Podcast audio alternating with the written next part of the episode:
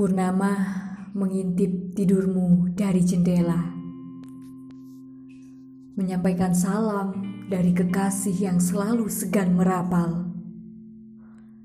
Aku cinta kamu, yang selalu mencemaskan kebebasan dan keselamatanmu. Sekarang kau sedang terlelap, sayang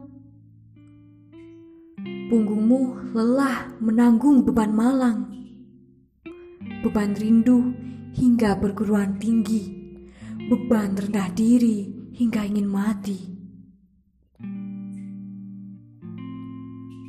Punggungmu lelah, biarlah dengan doa aku memijat, karena saat ini si Fana sedang sakit-sakitnya.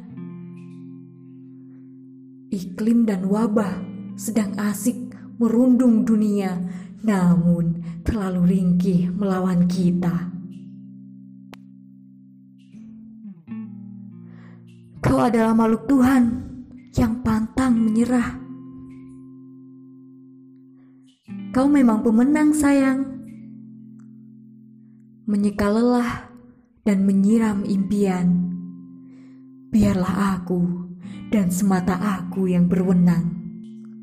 Malang, 8 Juni 2020